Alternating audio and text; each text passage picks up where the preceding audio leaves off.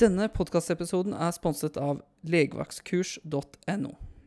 Norges største tilbyder av obligatorisk, godkjent akuttmedisinsk opplæring for helsepersonell og andre. Sjekk deres nettside på legevaktkurs.no. AK, dette ambulanse. Pasienten er respiratorisk og sirkulatorisk stabil. Vi kommer inn med én pasient. Du puster for fort! Jeg tar turen til Gjøvik sykehus.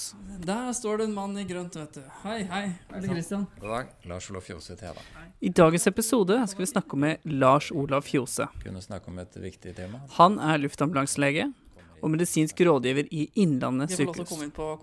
I dagens episode skal vi snakke om smertelindring. Til rette som vanlig, jeg vet det. Vi skal snakke om hva Innlandet sykehus har gjort for å bedre smertetilbudet både til barn og til voksne utenfor sykehus. Vær så god, bare sett deg her, du.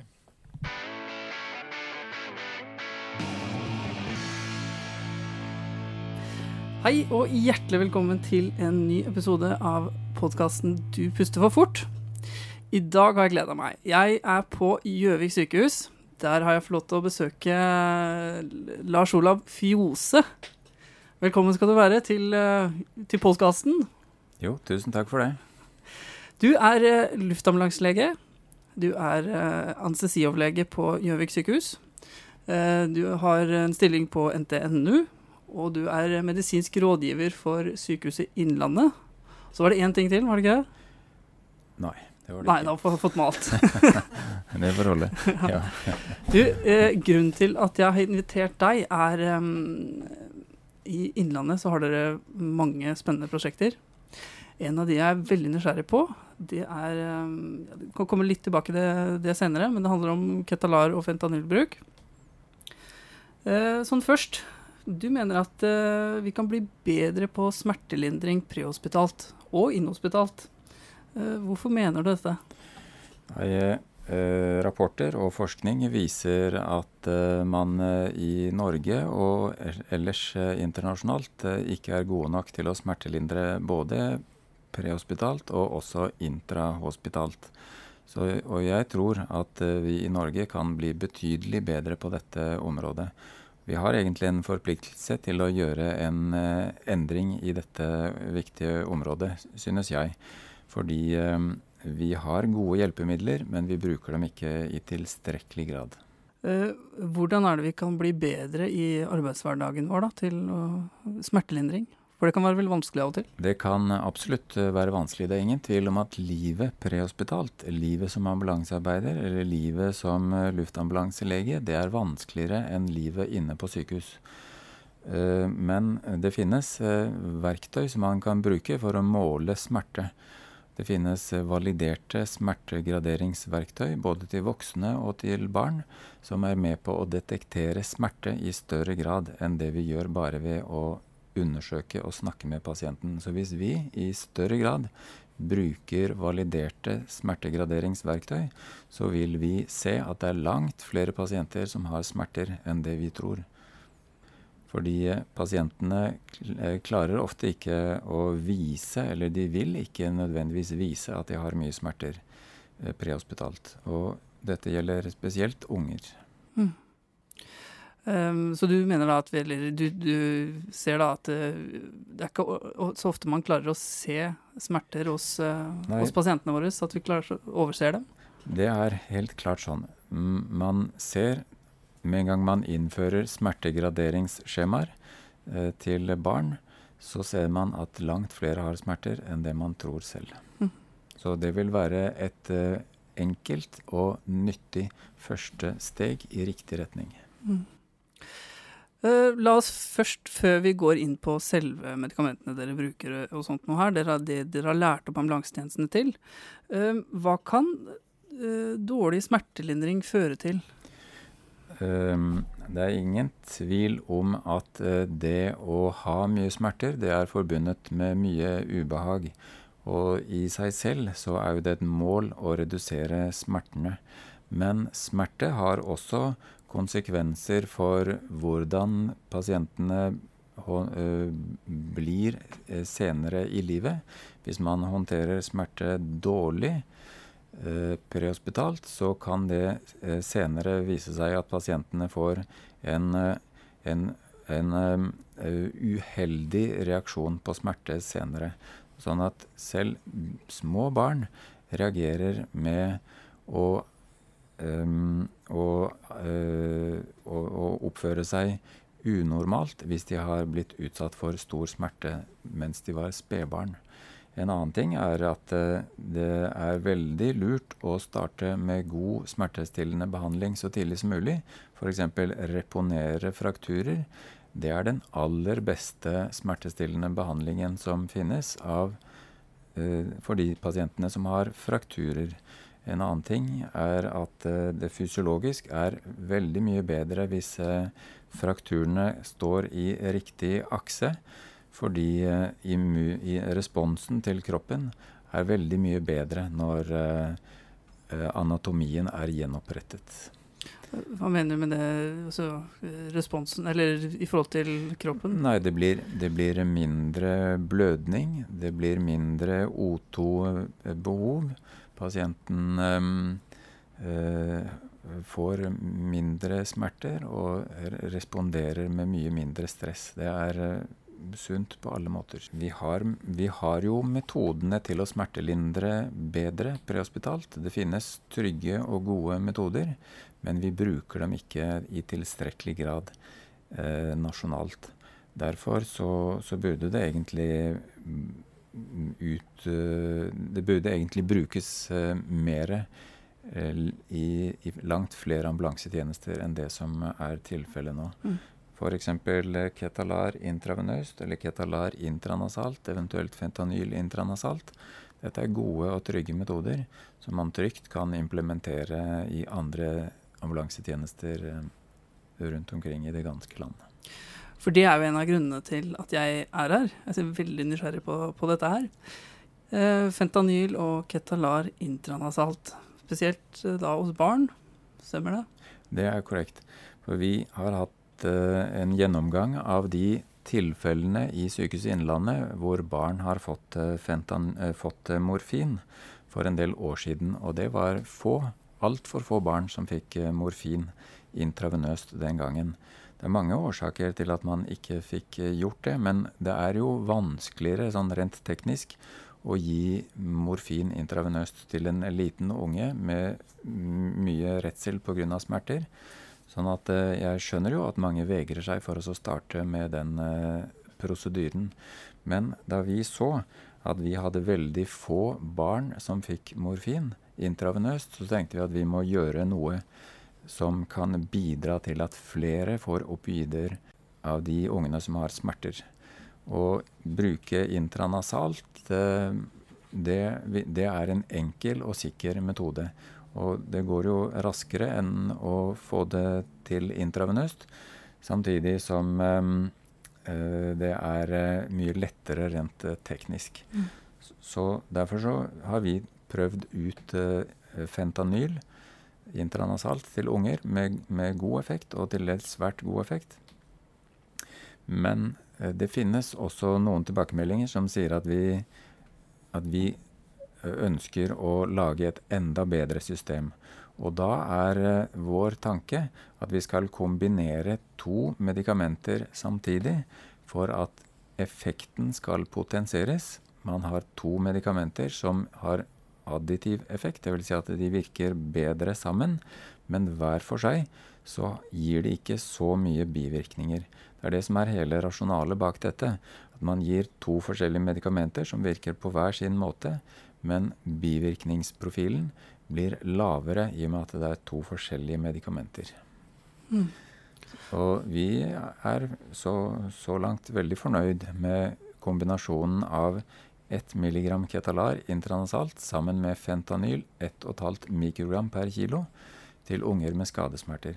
Det er langt flere som får et godt og meget godt smertestillende behandlingstilbud i Innlandet nå enn det det var tidligere. Mm. Så sett ifra et lederperspektiv så har dette vært uh, full måloppnåelse, altså. Mm. Og det er mange av de som jobber i ambulansen som er veldig fornøyd med å kunne tilby bedre service til sine pasienter. Fordi at Før så var det jo litt skronglete og vanskelig å få gitt eh, morfin. Men nå har man et tilbud som virker raskt og effektivt. Så det er mange i ambulansen som er veldig fornøyd med å kunne tilby dette til sine pasienter. Og nå er vi jo inne på selve medikamentene. Du har nevnt det. Fentanyl og Ketalar. Ja. Skal vi gå litt gjennom uh, hva disse medikamentene egentlig gjør for noe? Ja. ja. Vi begynner med fentanyl. Fentanyl det er et um, opioid som minner om morfin på mange måter. Men det virker raskere enn morfin når man gir det intravenøst. Når man gir fentanyl intranasalt, så varierer biotilgjengeligheten litt. Det kommer litt an på teknikken, og det kommer an på hvor mye snørr ungen har i nesa. Men stort sett så er det god biotilgjengelighet eh, på fentanyl eh, intranasalt. Og øh, pasientene opplever ofte god effekt av fentanyl alene. Og ett mikrogram fentanyl intranasalt, det tilsvarer uh, rundt regna 0,1, eller kanskje litt mindre, morfin intravenøst. Akkurat. Mens uh, Ketalar det er et gammelt narkosemiddel som man har brukt uh, gjennom mange år. Gjerne i forbindelse med kriger eller også prehospitalt under litt mer rufsete forhold. Og det det vet vi at det er et trygt og veldig potent smertestillende medikament også. Sånn at um, vi, vi, har brukt det intranasalt uh, i kombinasjon. Jeg er litt uh, nysgjerrig på egentlig det her med fentanyl. Hva er det som skjer når vi gir uh, fentanyl? Det som skjer, er at det absorberes i neseslimhinna både via direkte opptak rett eh, inn i sentralnervesystemet, men også via diffusjon inn eh, i cerebrospinalvæsken. Så sånn sett så virker medikamentet eh, nokså raskt, fordi at det går rett inn der hvor det skal virke. Det vil jo da virke raskere enn om du tar en eh, tablett, eh, f.eks. Og du har jo ikke noe sånn first pass-metabolisme, sånn at det virker i målområdet sitt med en eneste gang. Mm. Så det går rett til der, den reseptoren? Det er korrekt. Ja. Mm. Hva er det fentanylen gjør eh, fra, altså fra, Du fortalte litt fra altså, farmokinetikken, fra opptaket til ut i blodbanen. Eh, hvor lang tid tar det før det skilles ut igjen? Både halveringstid og ja, som, Hvor lenge funker det? Det som er veldig viktig, det er at man har god teknikk når man eh, setter dette intranasalt. Det er faktisk nokså stor variasjon om ambulansearbeideren får det til godt eller ikke. Men etter at vi har sagt at de skal sette små doser på 0,25 til 0,3 milliliter i hvert støt, så ser vi at eh, effekten er veldig god. Sånn at eh, teknikken er veldig viktig for at man skal få høyt opptak. Og virkningen, den ser vi at eh, er Den, den eh, er oppimot to-tre timer, faktisk, etter at det er satt intranasalt. Mm. Og det, det, vil jo være sånn at det skilles ut via nyrene. Men det er jo ikke noe problem for den pasientgruppen eh, som vi håndterer med små barn med skader, for de har svært sjeldent nyresvikt. Altså. Mm. Sånn at vi har ikke opplevd noen uh, komplikasjoner med bruk av fentanyl intranasalt. Hva med overdosering, da? Intranasalt? Ja, det kan skje. Mm. Uh, men, men en unge som har et brudd eller en annen skade, tåler jo mye opioider. Og de doseringene som vi tradisjonelt har pleid å bruke, de har ekstremt sjeldent ført til noe som helst respirasjonsdepresjon. Så det, det er ingen grunn til å bekymre seg for at man skal få respirasjonsdepresjon hvis man følger de vanlige doseringene som vi har i våre prosedyrer. Vi har ikke hatt behov for å gi Naloxon til noen, Men i prosedyren vår så står det en Naloxon-dosering som man kan gi hvis man kommer opp i trøbbel. Men det første man skal gjøre hvis en unge uh, er litt slakk i forbindelse med at den har fått uh, opioider, er jo også uh, snakke til den, gi oksygen og riste litt i pasienten. Eventuelt så kan man gi en liten dose Naloxon. Men vi har ikke hatt behov for det noen gang. altså. Mm. Um, hva er Altså, du snakker om at Eller fentanyl er et opiat. Morfin er et opiat. Hva er forskjell på de to? Uh, den rent praktiske forskjellen er at uh, fentanyl virker fortere enn morfin når du gir det intravenøst. Fentanyl gir også mindre blodtrykksfall enn morfin når du gir det intravenøst. Og fentanyl gir også mindre respirasjonsdepresjon i ekvipotente doser sammenlignet med morfin. sånn at Fentanyl er egentlig det ideelle prehospitale medikamentet. Morfin tar egentlig nokså lang tid før det virker godt. Og fentanyl virker raskere. Derfor så burde vi på sikt heller gå over til fentanyl i Norge mm. som prehospitalt medikament. Eh, både til brystsmerter og til traumepasienter f.eks. Har du noen formening om hvorfor da morfin ble altså, De fleste tjenestene har jo morfin som, eh, som førstevalg til, til traumepasientene, eller smertelindring. Det er jo et eldre medikament som man har lang og god tradisjon for å bruke. Men i mellomtiden så har det kommet inn preparater som er bedre, og da bør vi gå over til det som er bedre. Mm. Det bør vi tilby pasientene våre. Mm. Det er jo ikke rent sjeldent at man i ambulansetjenesten opplever pasienter med brudd i lårhalsen. At uh, morfinvirkningen først kommer når pasienten er kommet på røntgenavdelingen. Da først begynner morfinvirkningen å komme, og da først begynner uh, uh, pasienten å få smertelindring. Men det er jo altfor sent. Pasienten bør få smertelindring i god tid før man laster pasienten inn i ambulansen. Mm. Og det husker jeg du sa når vi snakka i telefonen også, at dere var veldig opptatt her i Innlandet å smertelindre pasientene godt før avreise. Ja, Om pasienten selvfølgelig er uh, stabile nok, da. Ja, Det er jo et mål uh, for oss at man skal forsøke å smertelindre pasientene godt selv ved korte transporttider. Fordi det er det beste for pasientene. Det er klart at det er mye bedre å være smertefri enn å ha mye smerter. Og det er også mye bedre for uh, hele behandlingskjeden hvis pasienten er godt smertelindret. Fordi de pasientene som er godt smertelindret, de kommer raskere gjennom mottaksavdelingen. Og de kommer raskere opp på røntgenavdelingen, og de kommer raskere inn på sengeposten hvis de har brudd f.eks. Sånn at alle er egentlig tjent med at pasientene er bedre smertelindret. Mm. Og det er et uh, mål at uh, man skal gi, gi smertelindrende behandling også til pasienter som skal på kun korte transporter. Mm. Så da det, det gagner både pasienten og sykehuset hele veien. I høyeste hele kjeden. grad, ja. Mm. Mm. Men det er jo ikke sånn at vi alltid lykkes med det i Sykehuset Innlandet. Men det er nå en ambisjon vi har, da. Ja, selvfølgelig. I neste uke skal vi fortsette å snakke om smertelindring prehospitalt, og hva de gjør i Innlandet.